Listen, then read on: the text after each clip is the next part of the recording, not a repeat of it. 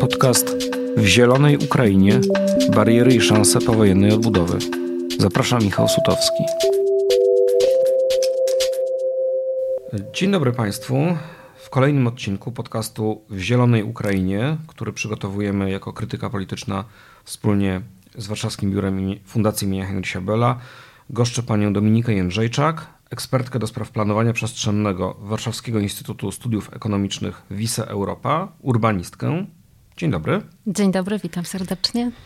Y, I y, porozmawiamy, jak w całym naszym cyklu, o różnych aspektach, różnych wymiarach potencjalnej, możliwej, przyszłej, a może już teraźniejszej odbudowy Ukrainy z uwzględnieniem kontekstu kryzysu klimatycznego, z uwzględnieniem priorytetów e, zielonej polityki, polityki e, klimatycznej. I Pani jest współautorką raportu, który się nazywa Zielona Odbudowa, powojenna zielona transformacja Ukrainy, przygotowywanego przez think tank Visa Europa.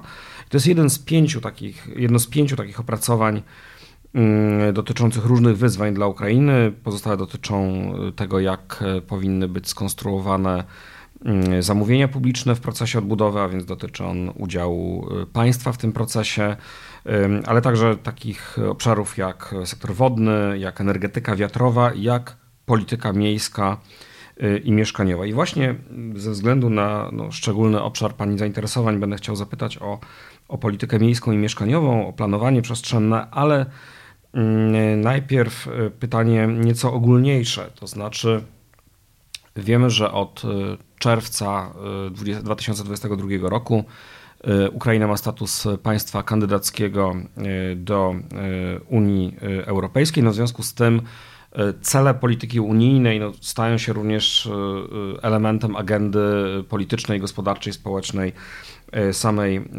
Ukrainy. No i między innymi te cele dotyczą oczywiście neutralności klimatycznej w perspektywie roku 2050,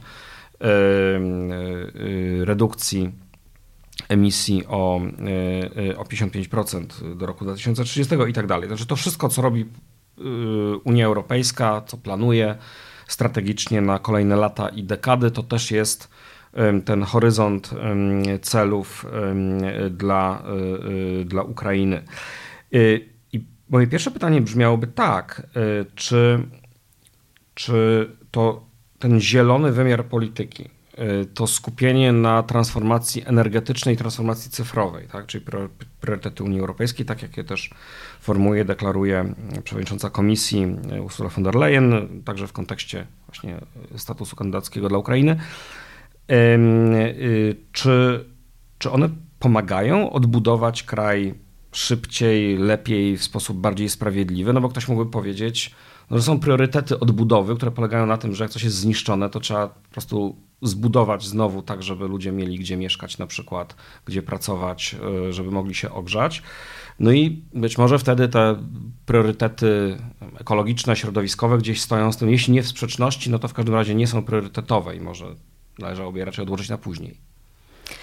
Ja myślę, że dotykamy tutaj e, tak naprawdę trochę definicji tego, jak rozumiemy odbudowę i z jednej strony ta odbudowa to są faktycznie jak najszybsze interwencje, żeby zapewnić e, ludziom dach nad głową, żeby zapewnić ludziom e, bezpieczne miejsce zamieszkania, żeby e, zapewnić ludziom dostęp do energii elektrycznej, do, do podstawowych mediów. I to jest ten pierwszy krok odbudowy, który faktycznie ma chyba bardziej taki kontekst humanitarny. Natomiast. E, Czyli to jest jeśli... to, co się wiąże z dostarczaniem, te też najbardziej bieżące, dostarczanie generatorów mocy, prawda? Dokładnie. Które no, niekoniecznie są na energię słoneczną, często na, na ropę po prostu, tak, ale one są do tego, żeby, no, żeby właśnie ludzie mieli ciepło albo żeby działały szpitale. E, to na pewno i to jest to, co się, co się dzieje w tej chwili. Natomiast e, odbudowa może być też rozumiana w tym kontekście takiej kompleksowej wizji w jakim miejscu i jakim krajem Ukraina ma być za 10, 20, 30 lat. I wydaje się, że ten poziom, e, dramatyczny poziom zniszczeń, jakie w tej chwili w tym kraju e, są przez Rosję dokonywane, e, on jest, przykro mi użyć tego słowa, ale też jest pewnego rodzaju szansą dla, dla, dla Ukrainy, żeby faktycznie myśleć dalekosiężnie i jeżeli już e, mają być bardzo duże środki zainwestowane w to, żeby ten kraj w jakiś sposób po wojnie budować od nowa, to e, wydaje mi się, że kluczowa jest perspektywa nie na 5 lat, nie na 10 lat, tylko ta perspektywa naprawdę powinna też e, sięgać daleko i, i bardzo ważnym elementem jest budowa odporności Ukrainy, nie tylko, nie tylko odpowiedzi na niebezpieczeństwo ze strony sąsiadów, których i tak i tak wokół siebie będzie, będzie miała, ale również pod kątem kryzysu klimatycznego i, i odpowiedzi na to, co, co, co, co tutaj dotyka E, tak naprawdę cały świat i, i, nie, tylko, nie tylko Europę. I myślę, że też warto dodać, że ten zielony kierunek to, to nie jest coś nowego w Ukrainie. Myślę, że w ogóle myśląc o odbudowie, e, zawsze e, warto mieć taką perspektywę, w jakim miejscu Ukraina była przed wojną. Więc Ukraina starała się w jakiś sposób wywiązywać z porozumień z porozumienia paryskiego. E, na pewno elementy zielonej gospodarki były zawarte w umowie stowarzyszeniowej z 2014 roku. 2017 weszła w życie. Tak. Ukraina miała określone swoje cele klimatyczne i ta dekarbonizacja miała się dokonać w 2060 roku. Więc to jest jakiś kurs, który e, Ukraina tak naprawdę obrała przed wojną. To jest tylko pytanie o, mm, o tempo tych zmian w tej chwili. No i tu od razu myślę, że warto podkreślić, e, że e, przygotowany e, przez zespół do spraw odbudowy powołany przez prezydenta Zeleńskiego Narodowy Plan Odbudowy Ukrainy zaprezentowany w lipcu w Lugano, on również podkreśla te, te elementy tego zielonego, zielonego kierunku. I w kontekście e, tych celów, o których e, Unia mówi, które są bardzo ambitne, czyli e, Fit for 55, czyli 55% redukcji emisji, redukcji do, emisji do 30 roku, no to Ukraina w tym planie odbudowy deklaruje 30% w perspektywie planu odbudowy 10 lat, czyli do 32 roku. Mhm. Więc, więc ja myślę, że że, że naprawdę są środowiska w Ukrainie, które mm, rozumieją też e, konieczność tego, tego, tego perspektywicznego myślenia i zapewnienia e, w miarę stabilnej sytuacji, nie tylko przez najbliższe 5 czy 10 lat po wojnie, ale również w perspektywie e, kolejnych wyzwań, mhm. które ten kraj może czekać. No właśnie, bo powiedziała Pani o Oczywiście to zawsze brzmi ambiwalentnie w sytuacji wojennej, ale przecież Polska mierzyła się z tym samym problemem. To znaczy, że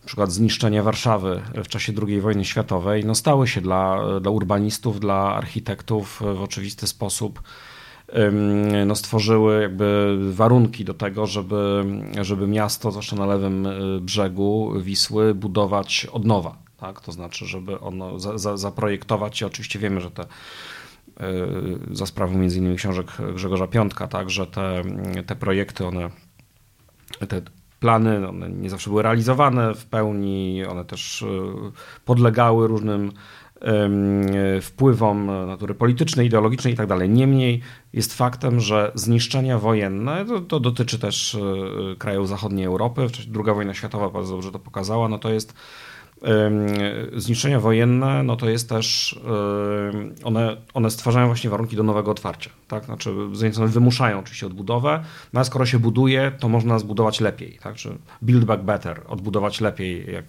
mówią e, Amerykanie o z kolei e, na różnych swoich instytucjach, o infrastrukturze, e, która no, nie doświadczyła wojny, ale doświadczyła różnych, różnych problemów, degradacji wskutek no, polityki ostatnich dziesięcioleci. No i i w związku z tym, i w kontekście przede wszystkim Pani obszaru zainteresowań, chciałem właśnie zapytać o, o miasta, y, o planowanie przestrzenne. To znaczy, czy, czy to jest tak, że y, odbudowa powinna, skoro wiąże się oczywiście z wielkim wysiłkiem, z wielkimi kosztami, czy powinna oznaczać zbudowanie tych miast na nowo, na przykład? Czy to jest tak, że, y, że warto i że należy projektować inaczej niż dotąd? Czy może jednak jest w Ukrainie y, jako no, dziedzictwo chociażby planowania z okresu socjalistycznego, tak? Y, czy jednak jest, czy pewne rozwiązania na przykład mimo wszystko były na tyle, na tyle racjonalne, na tyle dobrze zaprojektowane, że, że są warte, warte przywrócenia, tak? E, warte restauracji. Tak? Czy, czy, krótko mówiąc, czy jeśli chodzi o miasta, jeśli chodzi o urbanistykę, czy, czy odbudowa to będzie odbudowa, czy to będzie budowa na nowo? Ja myślę, że trochę tak jak w przypadku odbudowy Warszawy, e, na pewno już się toczy i będzie toczyła się debata, jak tak naprawdę ma to, ma to wyglądać. E, I jak gdyby nie dotykając, nie dotykając w tej chwili może tego obszaru finansowego jeszcze, e, powiem tak, no w ogóle myślenie o przestrzeni, kształtowanie przestrzeni, ono e, wymaga przede wszystkim analizy tych tego, tego punktu wyjścia, czyli tych uwarunkowań, które zastajemy. Więc na pewno, na pewno miasta ukraińskie czeka E, gruntowna analiza tych danych, które będą dotyczyły tego, które budynki będzie można zachować, które, które nie. I, i, I to będzie jak gdyby taki punkt wyjścia, jeśli chodzi o strukturę. Oczywiście najłatwiej jest wdrażać e, e, jakieś najlepsze i, i, najbardziej modelowe rozwiązania, jak mamy zupełnie czysty teren, tak? I, i, i wtedy możemy pusta kartka papieru y, jest jedynym y, tutaj ograniczeniem, y,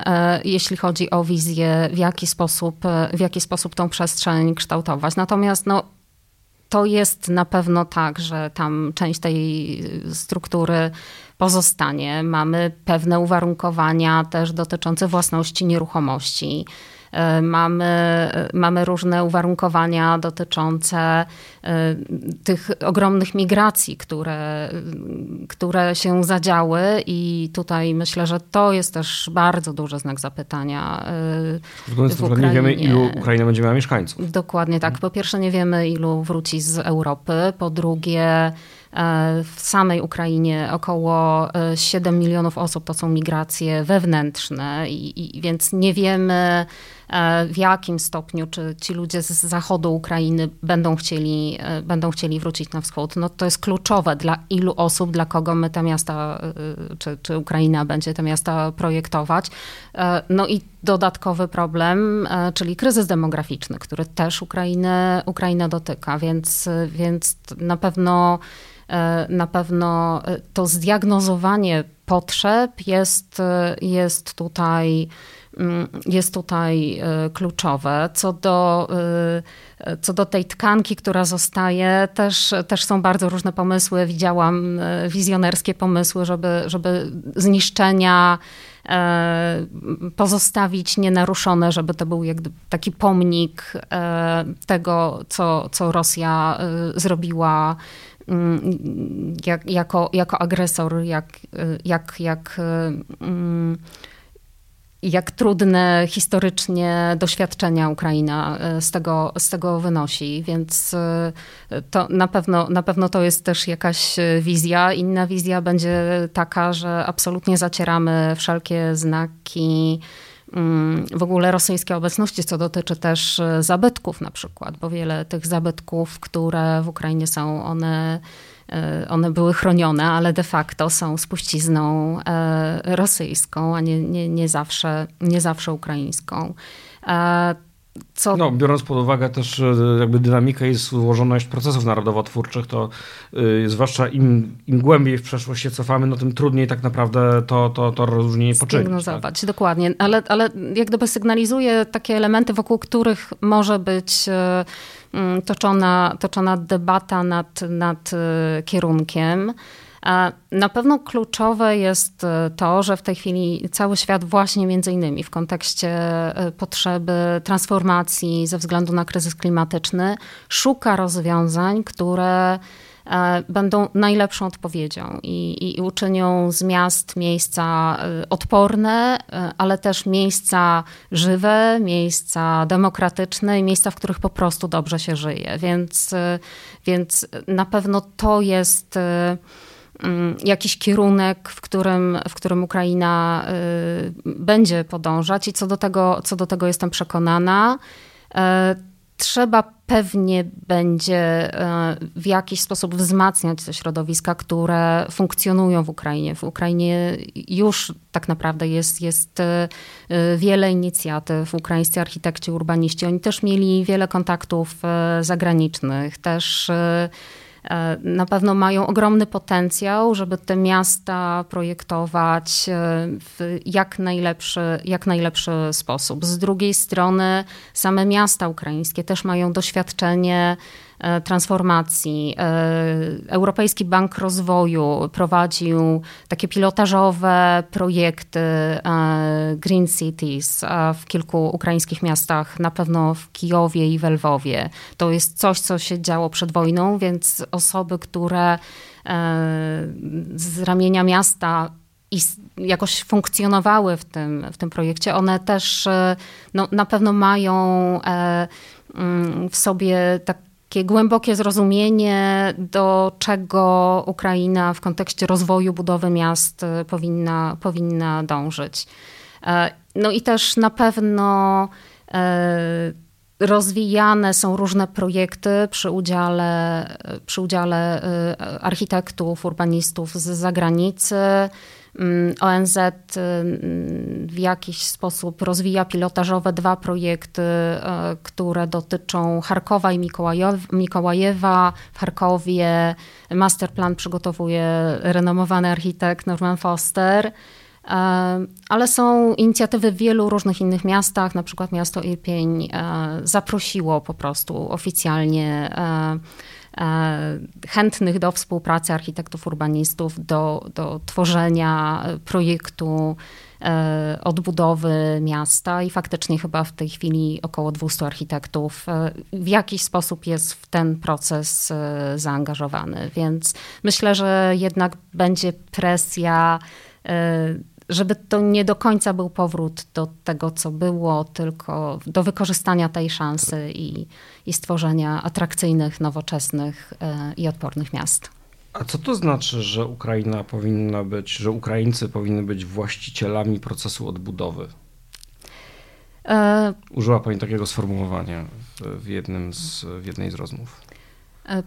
Powiem tak, Ukraińcy w tej chwili e albo jeszcze wcześniej. E, tak naprawdę e, chyba 2014 rok to był taki mm, zwrot w Ukrainie i Ukraińcy już wtedy tak naprawdę za wartości e, takie jak demokracja, jak, jak współpraca międzynarodowa w kontekście Unii Europejskiej, oni już wtedy byli gotowi oddać życie. Dzisiaj oddają to życie za wolność swojego kraju. E, I w tym kontekście bardzo trudno byłoby zaakceptować, że e, wspólnota międzynarodowa w jakiś sposób w pełni przejmuje proces odbudowy Ukrainy, bo Ukraina po to walczy o swój kraj, żeby też sama mogła ten swój kraj i wizję tego swojego kraju w przyszłości e, budować. Więc chyba ważna jest taka perspektywa, żeby mm, Ukrainie dawać wsparcie, wspierać ją finansowo, w jakiś sposób ekspercko, ale, ale to Ukraina e, będzie, że tak uproszczę, to oni sami będą urządzać swój dom, więc Tylko, to jest żeby chyba kluczowe. to było możliwe, biorąc pod uwagę, jak to jest e, kosztowny proces, e, on jest trudny, no, abstrahując od tego, że nie wiemy, w jaki sposób się wojna zakończy, to znaczy, czy na przykład nie będziemy mieli do czynienia z wieloletnim, zamrożonym konfliktem, prawda? takim, w którym e, no, trudno mówić o trwałym pokoju czy o bezpieczeństwie, tak? że w tym sensie nie mamy takiego scenariusza jak, znaczy, istnieje taka możliwość, takie mhm. zagrożenie, że, że to nie będzie scenariusz właśnie roku 1945, kiedy umownie milkną działa. Tak? Znaczy jest koniec wojny. Oczywiście wiemy, że gdzieś tam na peryferiach Europy wtedy jeszcze różne rzeczy się działy, w Grecji na przykład, prawda? Ale no co do zasady działania wojenne ustały, główny sprawca wojny został pokonany, podpisał kapitulacji, zaczyna się odbudowa. Tak? W warunkach pokojowych, nawet jeśli to są warunki bardzo trudne, nie wiem, ekonomicznie, społecznie. Tak ale to jest jakby to, to jest, to jest jeden, jeden problem, ale jest jeszcze drugi, no to jest kwestia nakładów środków. I tutaj chciałbym zapytać o to, czy y, Ukraina w relacjach z no przede wszystkim Unią Europejską i pewnie w drugiej albo w pierwszej kolejności, to też jest przedmiotem kontrowersji, Stanami Zjednoczonymi, no, czy może być czymś więcej niż beneficjentką pomocy? To znaczy, to, to, pytanie brzmiałoby, gdzie, gdzie jest ten potencjał, znaczy co Ukraina ma do zaoferowania tym podmiotom, no, które kierują się takim y, mniej lub bardziej oświeconym jednak interesem własnym. To znaczy, czyli no, jeśli mamy korporacje międzynarodowe, to one dążą do zysku, są firmami kapitalistycznymi, które są na to nastawione. E, z kolei państwa yy, no myślą w kategoriach strategicznych, prawda, to znaczy jakichś uzysków, uzysku jakiegoś geopolitycznego, uzyskania wpływu na region, prawda. No więc w tych warunkach gdzie jest ten potencjał Ukrainy, to znaczy co ma do zaoferowania w tym znaczeniu, żeby miała karty przetargowe, żeby Ukraińcy mieli karty przetargowe, kiedy decydować się będzie właśnie kształt kształt y, odbudowy i no właśnie to, jak będą podzielone różne ciężary i kto przede wszystkim będzie decydował o tym dokładnie, jak ta odbudowa wygląda. E, to znowu, ja tu widzę, ja tu widzę kilka różnych poziomów. E, przede wszystkim mm, mam wrażenie, że jak dotąd e, wcale nie ma jasnych planów, już szeroko powiem Zachodu, co do finansowania odbudowy Ukrainy. Mówię nie o tej interwencyjnej pomocy, tak jak chyba udało się wreszcie ustalić, że Unia Europejska Paryżu, przekaże. Tak. A tak. oraz, znaczy wcześniej odblokowano, znaczy tak, 18 ominięto weto Węgrów, w związku tak, z czym tak, 18 tak. miliardów pomocy Dokładnie. Unii. No i my mamy w Paryżu konferencję, która dotyczy takiej pomocy doraźnej, można powiedzieć. Jeden miliard. Zimę ale to jest bardzo wymierne często w towarach, prawda? I w, tak, jeden, miliard euro, który ma w jakiś sposób wspierać e, pokonanie przez Ukrainę tych problemów e, związanych z kryzysem e, w związku ze zniszczeniami infrastruktury krytycznej. Poza tego typu działaniami w tej chwili nie ma bardzo jasnych i oficjalnych deklaracji co do e, wspierania Ukrainy. Tutaj też warto zaznaczyć, że to 18 miliardów euro, które mm, Unia Europejska przekaże Ukrainie, żeby przetrwała w ogóle gospodarczo 2023 rok, to też jest pożyczka, tak? Hmm. Więc, więc tutaj mm, to e, w tej chwili chyba szacunkowo to są dane z czerwca, jeszcze nie obejmujące tak e, dużych zniszczeń tej infrastruktury krytycznej. 350 miliardów e, dolarów to była ta kwota, jaką e, Bank Światowy mm, tak, tak ocenił, że to tyle mniej więcej ta odbudowa Ukrainy będzie, będzie kosztować. Więc tutaj nie ma wcale jeszcze zbudowanych koncepcji, mechanizmów, jakiego rodzaju to będą pieniądze, czy to wszystko będą pożyczki kto to będzie finansował. To, co do tej pory mieliśmy, to e, deklaracja z czerwca o powołaniu e, pomiędzy e, Unią Europejską a we współudziale z rządem Ukrainy Platformy Rebuild Ukraine, ale to się póki co instytucjonalnie nie za bardzo zadziało. No i mamy świeżą deklarację z tego tygodnia, zdaje się, mm, gdzie grupa y, państw G7 y, zaproponowała stworzenie swojej platformy, która ma umożliwić zbieranie tych środków i, i, i później w jakiś sposób przekazywanie Ukrainie. Więc y, próbuję zaznaczyć, że tak naprawdę nie ma na razie na to bardzo konkretnych e, planów. E, co do zasady, to też jest. E,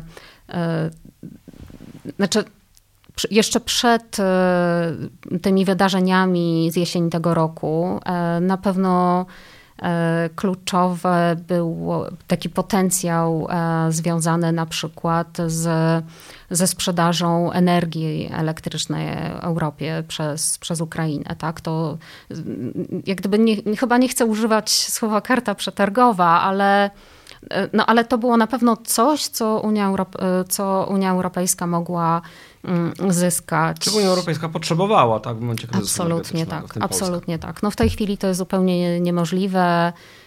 Ukraina sama, sama energii elektrycznej nie ma. Ukraina mm, no, na pewno jak jako kraj, który będzie potrzebował ogromnego wsparcia finansowego.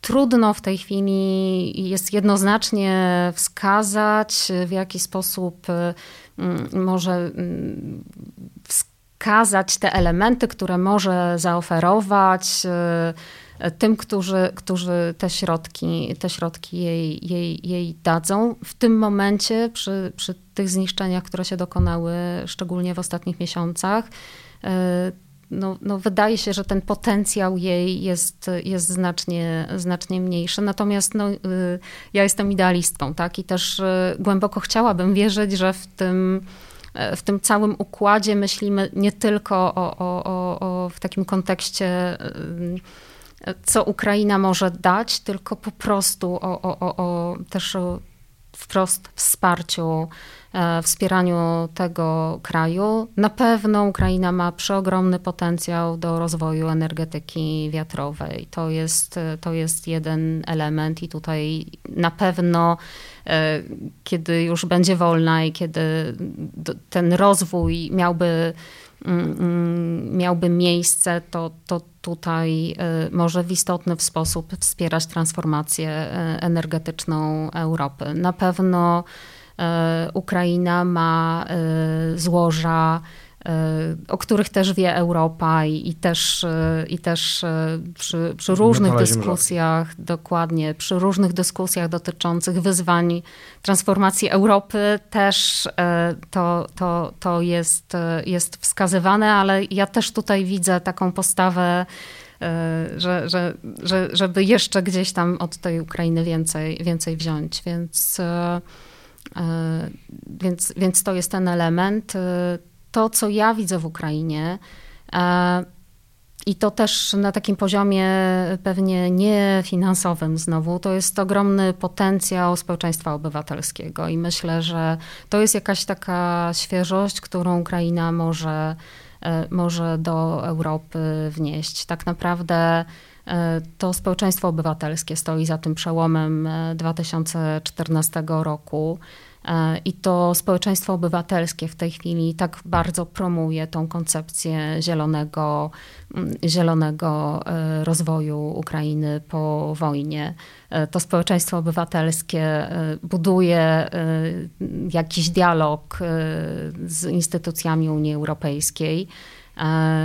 Więc, więc wydaje mi się, że to jest, to jest jakaś, jakiś ogromny potencjał w kontekście, w kontekście pozostałej części Europy.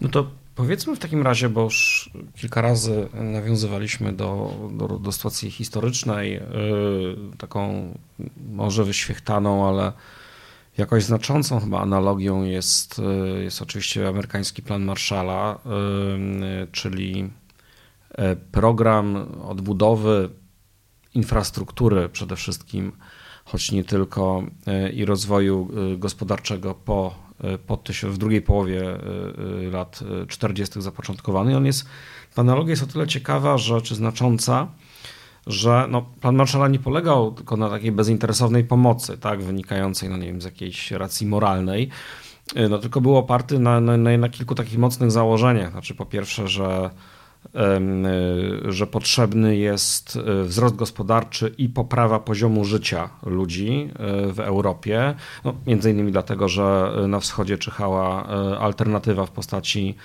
no, zupełnie innego projektu społecznego i politycznego i ona była traktowana poważnie, znaczy jako, jako pewne jako zagrożenie ale też jako coś, co może być atrakcyjne w narracji politycznej przeciwników systemu zachodniego, tak, także tych lokalnych.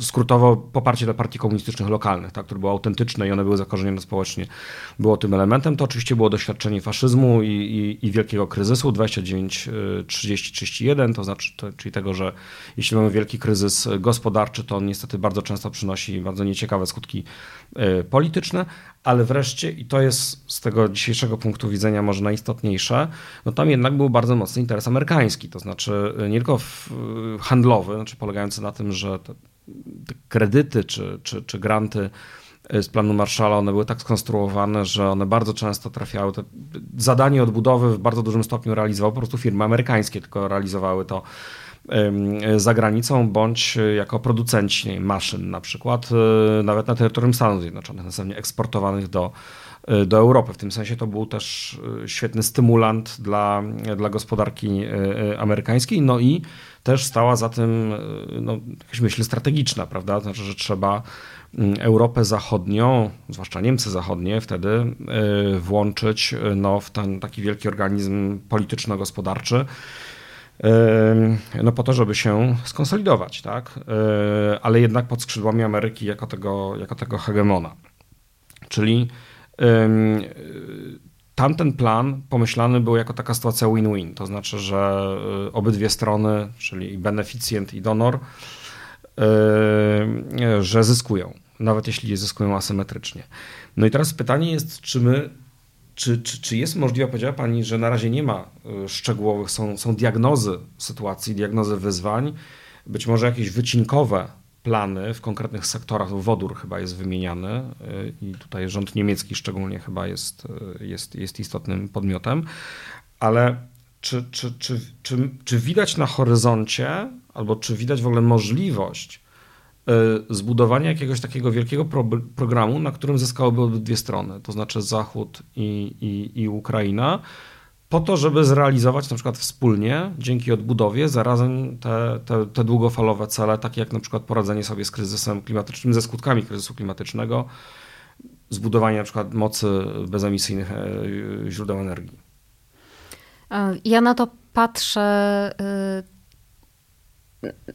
Patrzę na, na wezwanie e, związane z odbudową Ukrainy jako naprawdę ogromne wyzwanie wymagające kompleksowych rozwiązań. I mm, w tej perspektywie e, im więcej e, środowisk, instytucji i, i, i też im bardziej środowisko międzynarodowe będzie w to włączone, tym wydaje mi się, że y, znacznie większa mm, będzie szansa powodzenia, powodzenia całego procesu. Tym bardziej, że mm, no, są pewne instytucje, organizacje, które mają doświadczenie y, odbudowy w, jakichś obszarów y, czy zniszczonych ze względu na nagłe zjawiska pogodowe, czy, czy właśnie w wyniku, wyniku działań wojennych. Więc to jest na pewno, e, ich doświadczenie jest bardzo cenne w kontekście właśnie jakiegoś takiego kompleksowego myślenia. Natomiast też trzeba pamiętać, że Ukraina to jest ogromny kraj, więc e, o ile pewne obszary, jak jakieś rozwiązania transportowe z punktu widzenia całego kraju, czy rozwiązania energetyczne, one, one na pewno musi powstać jakiś plan dotyczący całego, całego kraju, żeby to po prostu było spójne. O tyle e, pewnie e, zakładam, że odbudowa poszczególnych e, miast na przykład, to, to już mogą być jakieś, jakieś mniejsze, mniejsze, jakieś projekty składowe, będące, będące elementem tej, tej całościowej koncepcji dla mnie sytuacja win-win jest, e, jest sytuacją e, taką dosyć oczywistą w kontekście tego typu przedsięwzięć. E, I mało tego też myślę o tym, no, plan Marszala ewidentnie odbudował Europę, tak? Więc jeżeli, jeżeli Stany Zjednoczone mm, tutaj y, mają to doświadczenie znowu, e, w jaki sposób e, kreować tą nową powojenną rzeczywistość, mm, żeby, żeby zyskał i ten kraj, który, i te kraje, które uległy tej dewastacji, i, i ten kraj, który pomaga.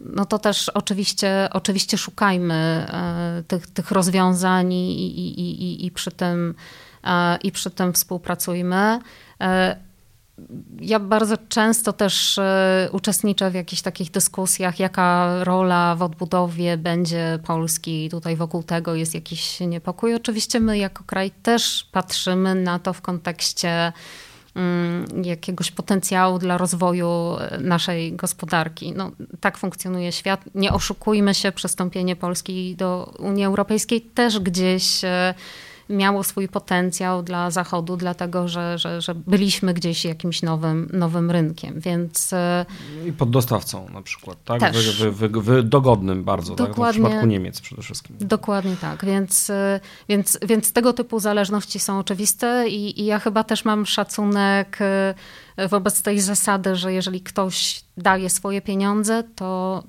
no to też gdzieś może stawiać jakieś swoje wymagania, oczywiście w dialogu z tym, z tym beneficjentem. Tak?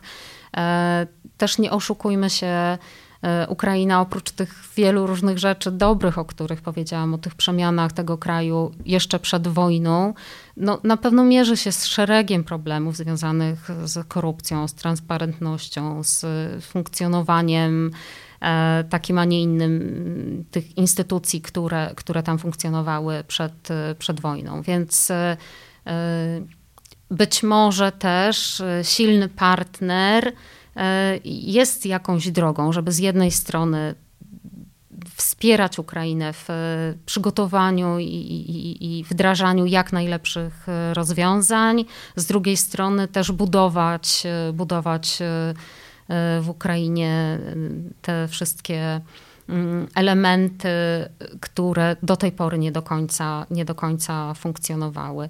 E, kluczowe jest, żeby, żeby to nie było takie west planning w 100%. Kluczowe jest, żeby, żeby ta Ukraina naprawdę była w tym wszystkim partnerem, żeby jej słuchać i, i, jeśli też mówimy o potencjale, to żeby naprawdę korzystać z potencjału e, tych zdolnych ludzi niesamowicie zdeterminowanych, e, którzy często nie opuścili swojego kraju, chociaż mogli, albo opuścili i wrócili. E, I, i, i, i w oparciu o, o, o ich talenty ten kraj, ten kraj odbudowywać. Proszę Państwa, moją gościnią była pani Dominika Jędrzejczak, urbanistka, współautorka serii raportów na temat odbudowy Ukrainy, przygotowanych przez think tank Visa Europa. Dziękuję za rozmowę. Dziękuję bardzo.